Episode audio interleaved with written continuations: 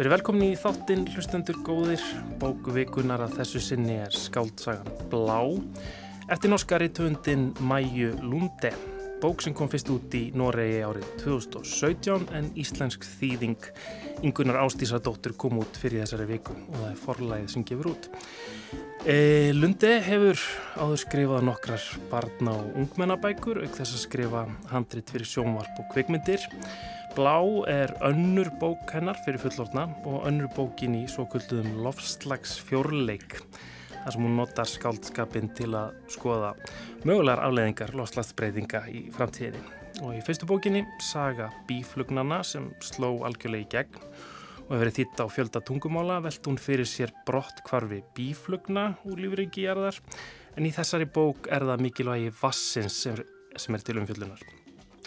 Og hinga eru komin til þess að ræða bókina Haldur Björnsson, lofslagsfræðingur og Guðrún Elsa Bragadóttir, bókmentafræðingur. Kanski áður en við skellum okkur í bókina sjálfa þá hérna er, mætti kannski flokkana í sístækkandi flokk skáldsagna sem fjallum lofslagsbreytingar og oftar en ekki þá sjáum við einhvern veginn í framtíðina þar sem að miklar hörmungar, lofslagshörmungar eiga sér stað. Þetta hefur verið kallað climate fiction eða cli-fi eins eins og science fiction um, Haldur, þú ert kannski alltaf bara gegn sósa í lofslagsfræðunum þegar þú kemur heim og vinnu. Finnst þið gaman að lesa svona bækur á kvöldin? Lesa Cli-Fi? Já. Ég, ég reyndar hafði nú bara mjög gaman að þessari bók því að hún er náttúrulega líka tvískipt. Hún er líka saga konunar sem er bara 67 ára um þessar mundir og hefur verið virkjana anstæðingur og fleira og er að reyfi upp sína æfi og það er mjög sá hluti bókanar reyndar sko kannski höfðaði öllítið meira til mín en hitt. En, en mér fannst þetta þetta ákvæmlega líparlega og, og, og vel skrifu bók.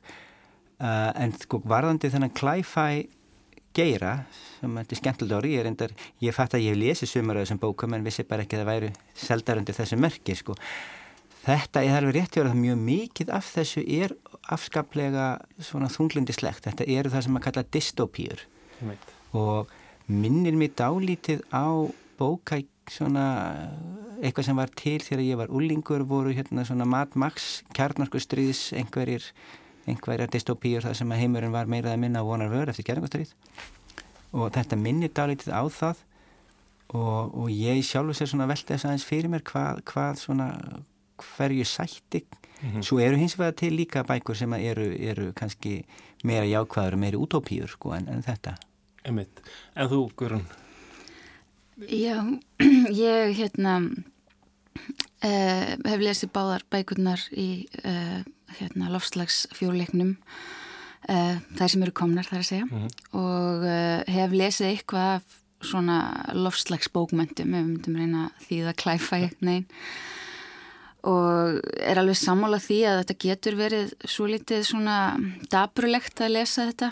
Um, sérstaklega vegna þess að og þetta ánum við kannski um vísindaskaldskap almennt að það hefur verið að auka við veruleikan frekar en að sé, þetta sé einhver hreitn uppspunni það hefur verið að taka það sem er að gera strönnfrulega um, og, og vinna út frá því og vinna út frá kannski einhverjum spám og en það er sko sumt sem er í bókinni mitt er svo rosalegt að maður heldur að það sé skaldskapurinn er það ekki eins og mm. við mörglega eftir að ræða meira en það er hérna persóna sem heitir Magnús og er að flytja út ís úr jökli hann er sérst að brjóta jökul ís niður og flytja til hérna með Austurlanda og svona slóðir óljufursta skemmtilegt mm -hmm. nokk og hérna og er að marka setja þetta sem svona luxus ísmóla og það er raunverulega maður sem heitir Geir Ludvík Olsen sem er hérna síðustu fjögur árun hefur hann verið að vinna því að fá samþyggi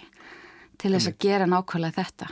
Það má alveg taka fram að þetta hefur verið gert frá Íslandi menn það var flutt út ís til Breitlandsreindar manni og fyrir, þetta var ekki mikið mag sko en þetta þótti svona sport að þegar hann, hann brotnar öðru vísu upp sko. Já. Þannig að kannski það sem að virkar dystopíst getur jável verið bara veruleiki nú þegar. Akkurat. Um, En áður en við förum og byrjum að ræða bókina algjörlega í þaula, þá langar mig að spila brotur viðtali sem að ég tók við íslenskan þýðandabókarinnar, Ingunni Ástísadóttur fyrir vikunni. Ég fekk hana til að segja örstuðt frá bókinni, skulum líða á hvað Ingun hafið að segja. Já, hún heitir Blá og er eftir norskan ritvönd sem heitir Maja Lunde uh, sem hefur skrifað uh, heilmikið að bæði batna og unlingabókum og eins unnið fyrir uh, sjónvarp og kvikmyndir eitthvað. En þetta er sem sagt bók nummer tvö í fjögura held ég ég færi rétt með frekar en þryggja bókaseríu sem þó hver er sjálfstæð uh, og fjalla um nútíma samfélag og þau áhrif sem mennirnir hafa haft á jörðina sem er náttúrulega mjög aktuelt í dag. Uh, hún gerist á tveimur plönum þessi bók. Blá sagt er bæði bátur sem önnur aðalpersonan á og jökull sem heitir blá eða bláfönn. Og hún gerist semst á tveimur plönum annars vegar í nútímanum og hins vegar eftir 20 ár. Uh, og hún snýst um vatn. Uh, annars vegar hvernig við misnotum auðlindir vatsins með virkunum og ágangi á jörðina. Og svo hins vegar hvernig þessi misnotkun eða hvaða afleiðingar þessi misnotkun hefur.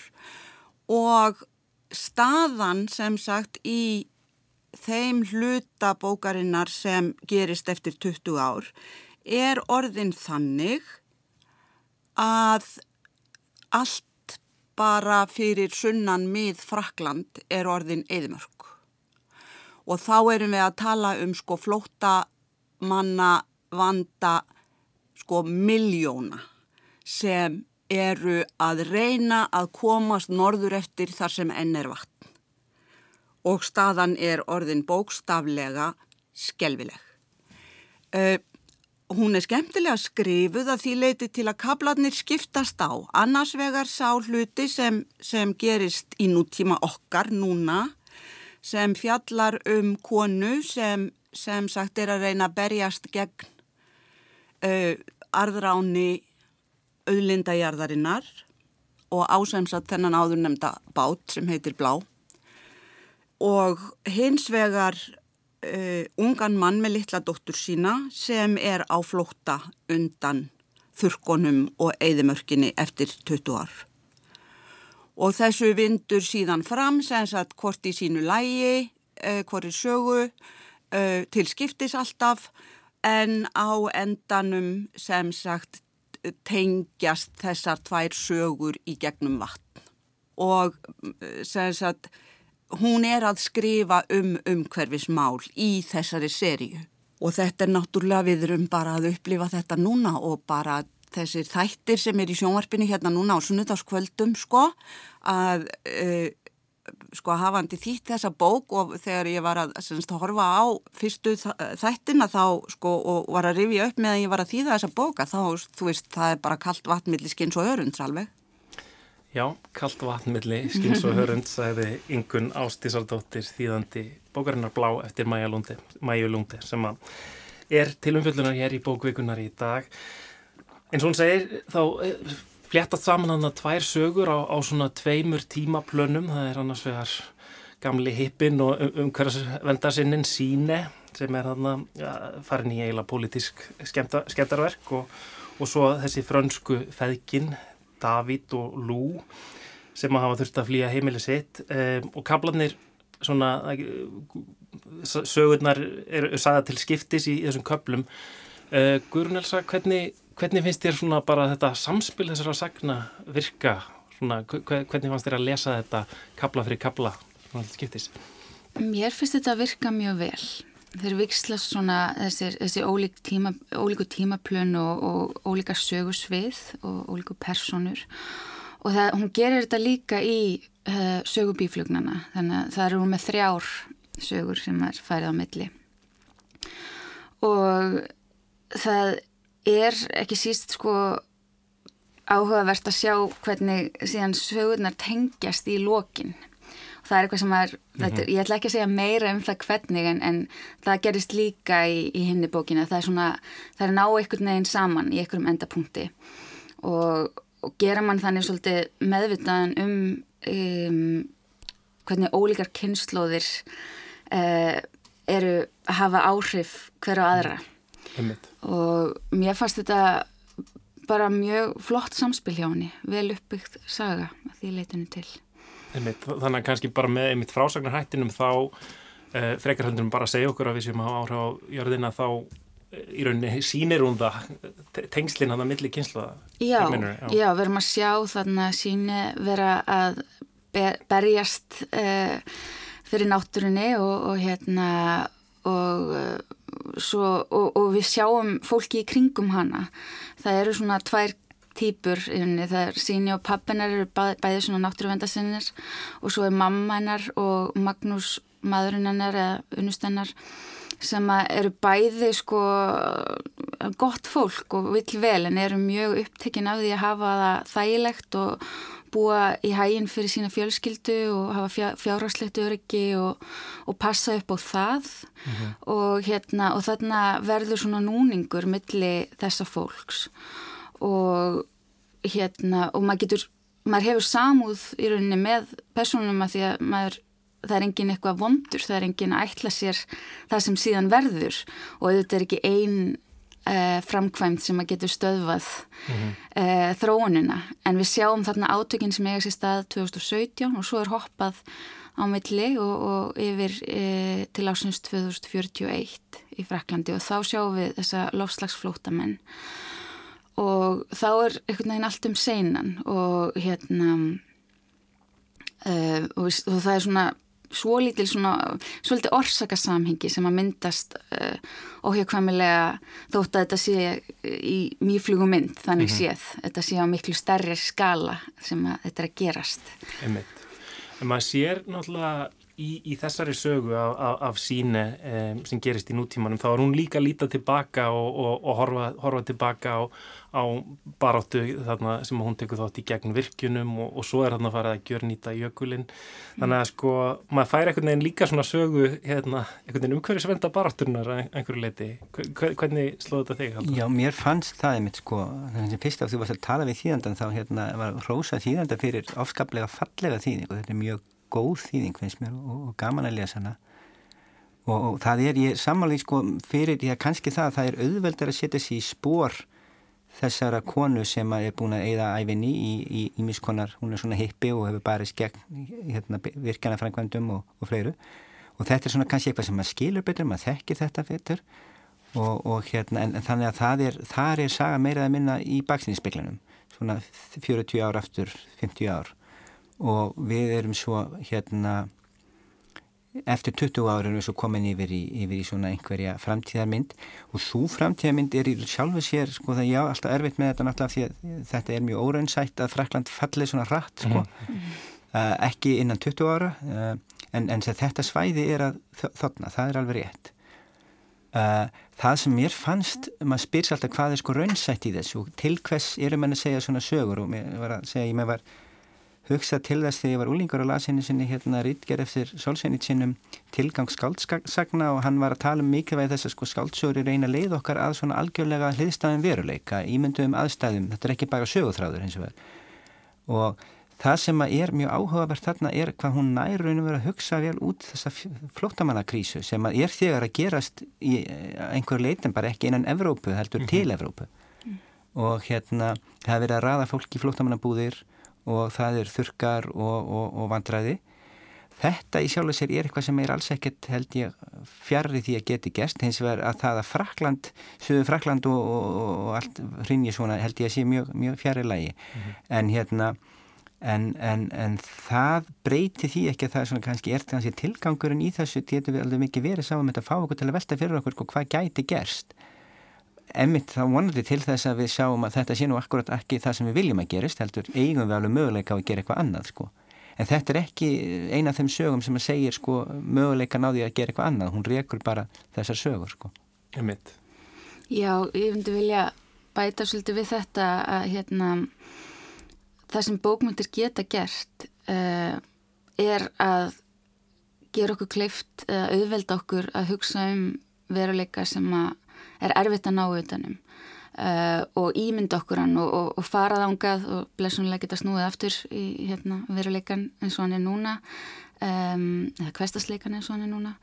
Og um, ég las svolítið skemmtilega hérna Um, uh, las aðeins í mjög skemmtilegri bók sem að, eða kannski ekki skemmtilegri en hún, hún er að, sem hérna eftir Ian Kaplan sem er kvikmyndafræðingur en hún er að skoða svona skaldskap sko bæði kvikmyndir sem hafa ekki síður verið að taka á umhverfis hamförum uh, undarfarin ár og, og líka bókmyndir og hún skoðar þetta sem fór traumatískar bókmyndir, þess að hún er að skoða hugtækið eh, ekki áfallastreituröskun heldur for áfallastreituröskun sem er pre-traumatic stress syndrome uh, sem ég hafði aldrei hýrt um áður en er vist til í hérna litteratúrnum hjá mm. geðalegningum og svo leiðis um, en hérna og hún er að fjallum þess að tegund áfallastreituröskunar sem að sprettur af uh, erfið með trublandi hugsunum um framtíðina.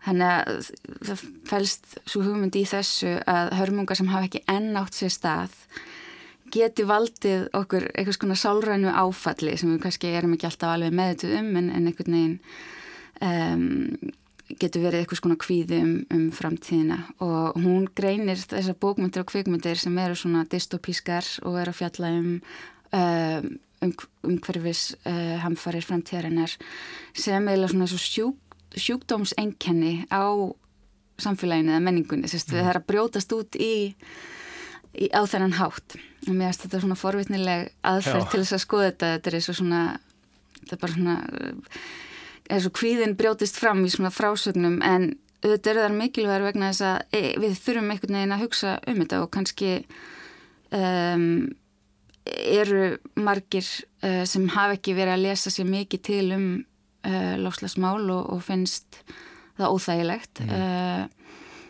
ég hugsa við hérna höfum lesið tölvert um þau og finnst það líka óþægilegt en, en höfum neitt okkur til þess en, en ég held að þetta getur verið mikilvægt til þess að svona jáfnveil eitthvað svona vitin, vitundavakningar allavega vona maður það mm -hmm.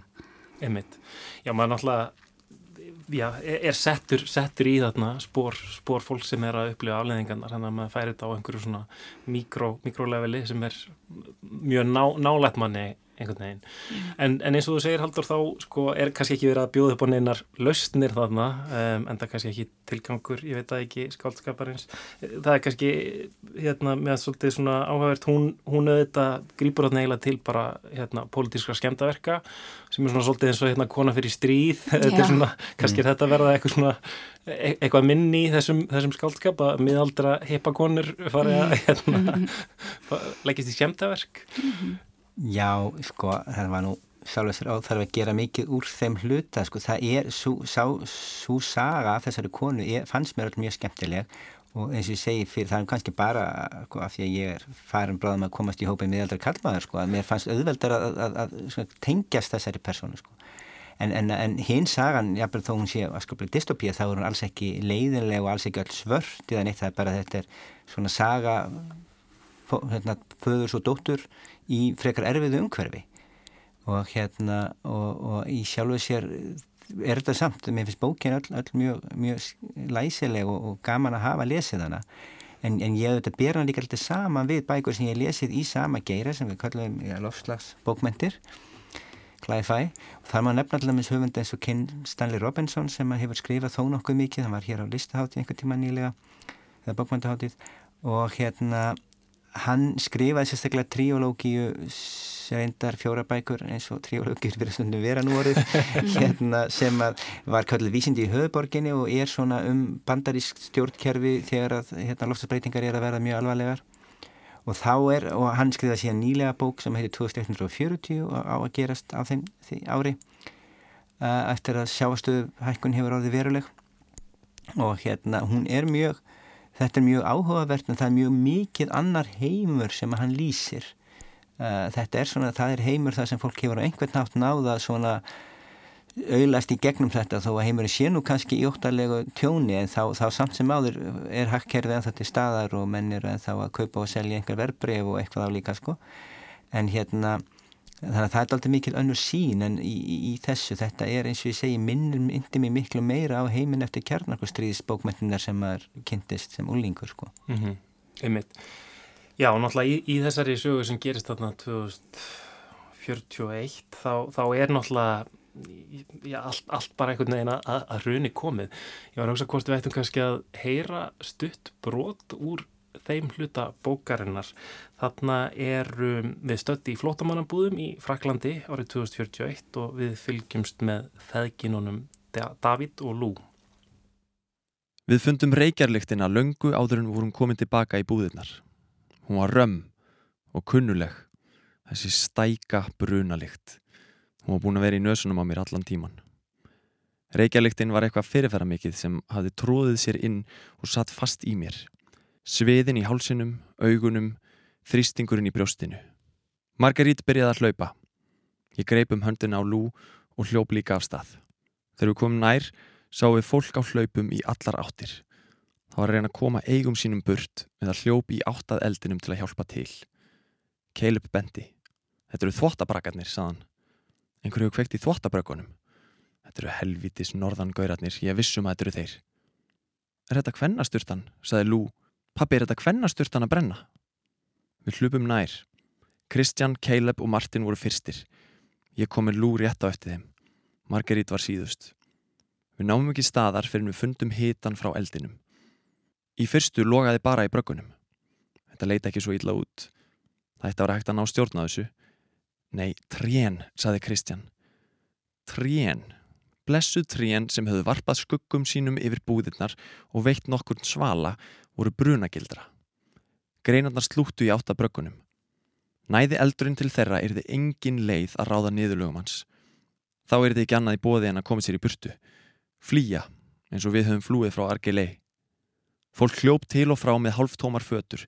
Einhver voru með slöngur og spröytuði máttlillum gusum á logana sem blotnuðu og dói út. Vatnið, saði Margarít látt. Þeir klára vatnið. Hún hafi rétt fyrir sér. Eldurinn drakk síðustu vassbyrðir búðana. Logarnir læstu sér í tríaverkið, grófu sér inn í það, upp á það og hurfu í þykkan svartan reykjarmökk.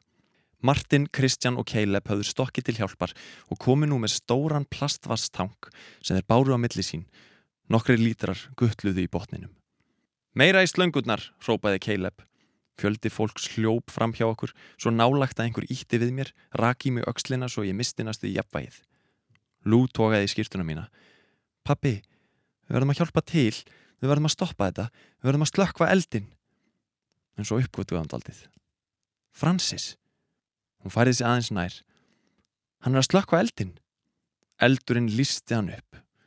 Hann stóð beitn og sterkur með slöngu í höndunum.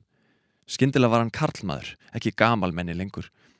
Hann gekk einbeittur nær og nær eldinum, réðist á logana, var í fremstu röð Hann gaf skipanir og allir hlýttu orðum hans. Hann brann líka af innra eldi. Hann rópaði að það erði að fjarlæga allt lauslegt í kringum brakkana svo að eldurinn kæmist ekki í það. Caleb og Kristján byrjuði að taka niður tjöld á meðan Martin stóð og spröytaði vatni. Ég fór nær, burt frá Margerít og Lú. Margerít laði höndina á aukslu Lú, gætti hennar. Ég verða að hjálpa til, hugsaði ég. Ég verð líka að gera eitthvað. En ég fann mér ekkert verkefni. Fólk var komið í allt sem þurft að gera. Það var ekkert eftirhanda mér. Mig svimaði af reykjarlyktinni, af hitanum, af eldinum, öskunni sem faugum allt, snarkinu í eldinum, brakandi, snarkandi drunum. Ég stóð bara kyrr, megnaði ekkert annað. Já, þarna eru aðstæðunar í flottamannabúðunum þarna er hríðu vestna hérna, vaskorturinn orðin mikill og, og kviknaði í. Um, Haldur, þú, þú segir að, að þetta sé kannski ekkit mjög svona uh, raunsæ uh, spá fyrir, fyrir framtíðina, fyrir næstu 20 árin. Uh, þurfti þetta að gerast lengra inn í framtíðinni til þess að þetta veri möguleiki eða hvað? Já, það þurfti náttúrulega að fara miklu lengra fram en auðvitað þá er afgangurinn að sögutræðinum gengur ekki upp að þarf eiginlega þessari tengingu að halda sko. Og það er ekki, finnst mér í sjálfu sinn eitt svona frágang sög, það er bara þannig oft í skáldskap en hérna en að öðru leiti þá er sagan alveg sæmilega trúverðu og, mm. og, og það er kannski það sem skiptur öllu máli í, í góðri sögu að maður svona trúi því, maður sé ekki á, hvað þetta getur ekki gerst allan tíman sko Einmitt. og þessa lýsingar allar og ég held að hún nái mjög vel sko að tólka hvernig þessi svona flóttamannabúður virka þá það er svona ákveðin þekking á því held ég þarna sem að hérna og, og, og við getum alveg áttu von á mjög mikið af lofslags flóttamönnum einhver tíman á öldinni sérstaklega ef að fyrir að þotna við á það sjáum þetta að fara að gerast einhver leiti nú þegar. Þó með séu náttúrulega yfirleitt að flýja alls konar óáran aðra sem að loftslagsbreytingar er bara hluti sem magna sko. Og hérna mér fannst þetta mjög hérna raun og veru þessa lýsingar þarna þegar, þegar búðunum, maður sá þetta nú alveg fyrir þetta gæti nú ekki staði lengi sko en, en, en þá hérna, þær eru svona hluti af þessu sem að gera kannski bókina alltaf öflugra. Ymmitt um, Já og að, hún, hún lýsi því rosa mikið sko, ég veit ekki hvort þið fundu fyrir því hún lýsi svo mikið hérna bara einhvern veginn vaskortinum og þurkinum og öllu hérna ríkinu og, og, og, og tungunni og öllu þessu, Ma, maður finnur alveg svona svolítið áþreifanlega líkamlega fyrir þurkinum. Já, um, það er náttúrulega, sko, því ég fór að hugsa um titilin á bókinni þá, þá er það náttúrulega þetta báturinn sem heitir Blá og, og svo jökullin, hérna Blá uh, fönn, en hérna svo er það líka þessi blái heiminn sem að svona gnæfir yfir þeim svona yfirþyrmandi vegna þess að það er ekki skí á lofti. Einhver eyrir, einhvern veginn. Já, og hérna og þetta er, já, þetta er mjög flott lýsing á þessari martröð en það, þótt þessar þessi bók og, og svo fyrir séu um umhverfis hamfarir uh, þá er þetta líka náttúrulega og kannski fyrst og fremst bækur um fólk, mm -hmm. um manneskjur.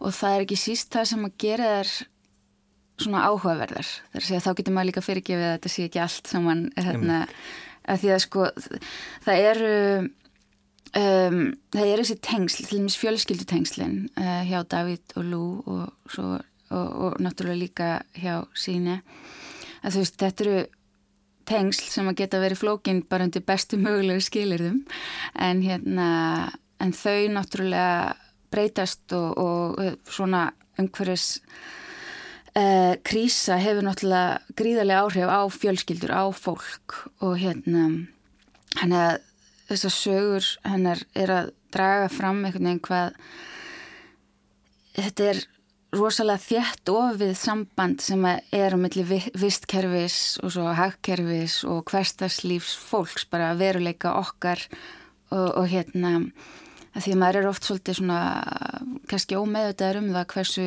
miklu máli það skiptir að allt virki eins og það virka mm -hmm, hérna í umhverfinu. Ég, mitt, ég, hérna, ég verð að segja sko Haldur, þú segir að, að þú hefði tengt meira við, við þessa nútíma sögu. Ég, ég beði alltaf svolítið spenntur eftir hérna, framtíðar, framtíðarliðanum og fletti hratt í gegnum, gegnum nútíðina til þess að komast inn í framtíðina. En það var einmitt kannski ekki síst sko, mér finnst bara svo frábæra lýsingar á, á í rauninni ást þessa unga föður til dóttur sinnar og, og, og einhverju svakalega umhyggju og atriði þegar hún, hún drekkur þarna eitthvað skýt út vatn og verður veik Já. og maður alveg sko engist um með honum í einhvern veginn um, að hafa leiftin að drekka þetta vatn í rauninni sko. Já, aðal personar eru mjög trúverðugar og það er mjög auðvelt að svona tengjast þeim og það náttúrulega er, er styrkur bókarinnar og ég er alveg, alveg sammála því og það, það er reyndar á við um allar svona þessa fjóra kannski börðarkaraktera í bókinni sagt, föðurinn Davíð og dótturins Lú og svo Síne og, og, og Magnús hérna fyrir um kærastannar sem eru mm -hmm. mjög svona skemmtilegar andstæður og, og það eru svona atrið sem kallast á í þessum sögum hérna og blá er náttúrulega líka sko blá vatnið er blátt og, mm. og hann dreymir við og við martraðar það sem hann er að kapna að drukna í vatni og sem er, er áhugavert að mm -hmm. það er svona það sem sem hann raun og verið þarf að fá sko og það er svona stundum ofeða van sko Einmitt. En það er kannski líka tragíkin einhvern veginn í þessu að, að sko náttúrulega hafið er þarna það er nóga vatni en það er bara ekki vatn sem við getum drukkið, ekki vatn sem að gagnast þeim Nei. Já, hann Davíð hefði verið að vinna á svona vassreinsi stöð sem að kviknar í ef ég maður rétt já, um, já. og hérna og það er svona dæmum hvernig verið að takast á við þessa ástandið bara og, og það sama er upp á teiningnum í sögu bíflugnana það er vera að lýsa hérna, frjókun sem, sagt, sem er með handfrjókun eða þessum fólk er að frjóka plöntur og tré eh, vegna þess að bíflugnar eru hornar og það er eitthvað sem er nú þegar að gerast í Kína um, og hérna og þetta og vatni verður líka sko einhvern veginn svona uh, bara tákn fyrir lífið í þessari bók. Og vassbyrðirnar eru einni mæli hverði á það hversu lengi þau geta átt vona á að geta lifað uh, þannig síðan sko það er þetta að mæla það stundum í vikum eða dögum og, og hérna og svo þá bara reyna að finna meira. Og hérna hafið einhvern veginn er þarna. Og, og það, það er einhvern veginn verður svona frústrerandi eining sem einhvern veginn er ekki hægt að nýta uh, við þessar aðstæður. En uh, árið 2017 í þeirri á því tímaplenni þegar hafið svona meira eiginlega tákn eitthvað skonar frelsi sko, hún signaði svona sjötug og hún er bara að sigla um að miklu öryggi og, og með svona mjög sterkan ásetning, hún er, veit alveg hvað hún er að gera. Og hún er einhvern veginn, hún hefur þetta frelsi til aðtapna, hún getur silt um höfin og, og hérna henn eru allir vegir færir. Að meðan Davíð og, og Lú er að þvælast um þarna á, á skorpunni jörð mm -hmm. og hérna og eru bara að leita lífvænlegum stað Mitt. Ég fór einmitt líka að hugsa um þetta sko nánast sem eins og svona eiginlega öfugt syndaflóð þetta hérna, er ekki hérna, syndir mann, mannana leið ekki til þess að Guð sendir allt og mikið regn, heldur bara ekkert regn Já. og þannig er aftur sko og þannig er báturinn í rauninni líka einhvers konar lífsbjörg í, í þessari sögu sko, eins og hjá Nóa Já, mm. Það er það er, það er, það er einmitt tilfelli með þessa bók, mér fannst þetta með sko, ég velta mitt svolítið fyrir mér þessu nafni blá sko, það er bæði jökullin, það er vatnið og það er heiminn og, og það er svona og svo er líka bara svona ákveðin blámi maður er á tilfinningunni að þarna í þessum þurki þá sé rikið einhvern veginn allstaðar og þú horfir á sjónaröndun og þetta sé allt svona einhvern veginn blátt og, og slikt í fjarska sko, og hérna. Og það er samt líka mjög áhugaverk hvernig hún sér og fyrir sér hvað muni gerast að þau lönd sem að hafa nú vatn þá er það Norðurlöndin náttúrulega og Ísland öruglega verið þar í þau eru löndin sem bóstar að hafa bara lokað dyrunum og sé að nú hinga kemur enginn sko. Og hérna og það er ekki sko svo sko það er held ég eitthvað sem maður þurfa að horfast í augu við að, að, að það er ekkert svo óraunsætt að slíkt geti gerst ekki endilega frá söðu Fraklandi en einhvers þar annar staður á heiminum og einhver leit er það að gerast nú þegar og það er að koma fólk sem er að flýja eitthvað og það er ekkert hægt að senda það tilbaka því að bara umhverjusafstandið þar er einfallega ósættanlegt Einmitt. Ég minna að það væri náttúrulega nánast hægt að láta þennan framtíðar hluta sögunar gerast bara núna í dag en það væri þá ekki í, í Já, ég er í tríu eða eitthvað staðar sko. Já, já, það var ekki, það myndi held ég alveg ganga upp sko. Já, ég er mitt eftir ég var búin að lesa þess að sögu bíflugnan á blá þá las ég Eiland eftir Sýrið Hagalín, ég veit ekki hvort þið hafi lesið hana en það er svona dystopísk eh, framtíðarsaga eða já, eh, maður veit ekki ég hugst þetta sé nú eiga gerast bara mjög svona í nálegri framtíð uh, þar sem að Ísland hefur lokast af og hérna það er ekkert samband við umheimin og maður veit ekki og það gæti verið umhverfiskrísa sem veldur, það er bara allt samband búið að rofna. Og maður sér einhvern veginn og þetta var alveg ríkala traumatísandi fyrir mig að lesa þess að þrjár bækur í röð vegna þess að ég svo, svo vildi ég bara fara í eitthvað aðeins svona notalegra að því þetta er svona ástand dregur líka fram sko hversu sjálfbær uh, þjóð er, hversu sjálf og hvað er hægt að gera uh, þegar að það er ekki hægt að treysta á til dæmis innflutning var, vara og, og svoleiðis mm. og hérna já þannig að við eigum bók sem að, er svolítið að, að, á þessum slóðum eftir já. íslenskan höfund Einmitt. En þá komir kannski sko aftur að þessu hvað er sko hvað, hvað tekur upp frá svona bók? Ætlar að lesa svona bókmyndir og bara láta hugfallast og, og fara, og, og, fara á Netflix og horfa á einhvað fallegt? Mm. eða, eða sko vil maður reyna átt að segja á því er, er, er, er til einhver önnur heimsmynd er til einhver önnur saga sem er hægt að segja eða allavega við getum reynd að koma í vekkferði við lifum þessa sögu? Og ég held að það sé á sumu leiti sko ég veit að sumur af þeim sem að sko fjölluðu hvað mestum kjarnorku vána töldu, töldu sig hafa lagt eitthvað gott til málana með því að benda á að eftir kjarnungustrýð þá er raun og veru, það tapa allir. Það, það er ekki, ekki tilneitt takmarka það verður kjarnungubetur og svo framvegis. Uh, það teldur sig hafa raun og veru lagt eitthvað gaglegt til málana sem var til þess að menn undu ofan að þessu. Og þá er má segja sama í þessu sko, maður getur lesið þetta og sagt við þurfum að gera eitthvað til þess að svona gerist ekki mm -hmm. og það er náttúrulega tæknilega gerlegt og, mm -hmm. og í sjálfu sér miklu minna mál en það sem er að reyna að glíma við þarna. Mm -hmm. Þarna í bókinni þá náttúrulega er, er tæknilega geranlegt að, að eima, eima vatn og, og, Já, já, það er ennþá já, það er nú þegar gert sko. Já, en það er óþarf að fara þá leið. Emitt, emitt um, Við erum svona þetta er farið að stýttast í annan endan hjá okkur. Um, hvernig, án þess að segja kannski allt og mikið um, endurinn er náttúrulega að einhverju leiti svolítið tvíbendur fannst mér einhverju leiti það hérna um, að einhverju leiti endur hún vel en, en, en svo, svo er auðvitað framtíðin er ræðileg þarna í þessum heimi. Og svo jafnvel hérna ástarsambandið sem, sem uh, úr, úr nútíðinni sem endar vel þá ég var jafnvel líka svolítið skeptiskur og það verið gott. Hvernig upplöðið endin fannst ykkur þetta fannst ykkur, hún enda vel bókin Sko um, með svona bækur þá í rauninni endaður getnan vel bara vegna þess að personurnar sem umræðir einhvern veginn finna einhverja leið kannski til þess að lifa eitthvað aðeins lengur. Það er enda allavega þar sem ég hef lesið aldrei á því að það er einhvern veginn vandinni leistur. Um, þannig að ég, jú, þetta var bara flottur endir sko og það verður náttúrulega að hafa eitthvað svona, sem maður sé ekki bara með marstræðir eftir þetta og, og fundi og skildir svona minnast á gamla kærastan og, og það endurfundina að það komi svo skemmtilega óvart að, að hann væri ekki eitthvað skrimsli ég var komið með svona svo ótrúlega neikvæða mynda á honum og hann einhvern veginn svo ótrúlega skilningslaus og skilur ekkert í sín ég vilja, vilja vera með þessum Osloar hippum að mótmæla og bara hverju getur við ekki bara farið eignast börn og stofna fjölskyldu og, og græða peninga. Og hérna og svo er hann svo hlýr og góður og þá allt í hennu fór ég að hugsa já, auðvitað er hann ekkert illmenni.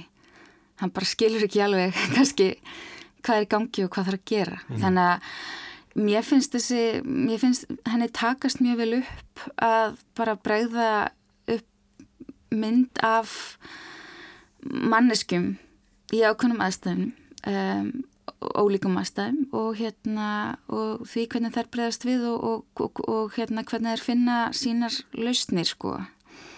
Þannig að, já, ég er bara sátt með þessi endalokk. Hvað með því Haldur? Ég, ég get sagt náttúrulega það sama sko, ég, ég sjálfu sér, það, það var nokkur ljóf sko að það er ekki svona hamingisum endalokk sko allavega fyrir hérna fyrir hérna framtíðasöguna og hinn svona, hún bara, hún fær, fær að ganga sín ganga einhvern eðlilegan háttins mér, ég sammála því að mér fannst ánægilegt að sjá sko að það eru raun og verið engir beinlinis vondir í þessari bók, þetta er allt fólk og þetta er saga um fólk. Og hérna en, en svona hvernig framtíðasagan endar það komir hvorki á óvart nýja nitt hún, hún, hún, þetta er ágætur endir á henni sko. En hérna, en svona sko ef maður er að skrifa dystopíur þá, þá verður alltaf mjög erfitt að láta þær enda enda svona fallega sko. Já, einmitt, þannig að jáfnvel þó það er enda fallega þá er náttúrulega undir tónin dystopískur. Ég verði að viðkynna að ég drakk svolítið meira vatn en dagana eftir og var rosalega svona já uh, þakklátt fyrir allt í einu að geta borðað mango og eitthvað svona já. og sama, þetta var, já maður er stundum svo leiðis eftir að lesa svona bækur, allt í hennu farin að hugsa um að rækta kartablu í gardinum og eitthvað nefn finna út þessu, en mm. hérna. Það er kannski segir ákveð um, um samt raunveruleika þessar hluta að hérna, eftir að ég e, útvarpaði viðtalinu við Ingunni Ástíðsvardóttur þýðanda e, bókarinnar, þá daginn eftir ringdi mig maður sem hafi hérna vaknað um nótina og heyrti í, í viðsjá um nótina og hann held að þetta hefði verið semst, ekki skáldskapur, heldur að það hefði verið viðtalum um raunverulegt ástand í Fraklandi og hann, hann var að spyrjast fyrir um þetta því hann ætlaði að fara að flytja út vatn. Um, en ég hugsa að við látum þetta bara vera loka orðin í bók vikunar að þessu, þessu sinni. Við erum búin að vera að tala um skáldsuguna Blá eftir Mæju Lunde sem kom út núna í vikunni. Gæsti mínir voru Haldur Björnsson, lofslagsfræðingur og Guðrún Elsa Bragadóttir, bókmyndafræðingur. Takk kærlega fyrir komuna. Takk fyrir. Takk fyrir.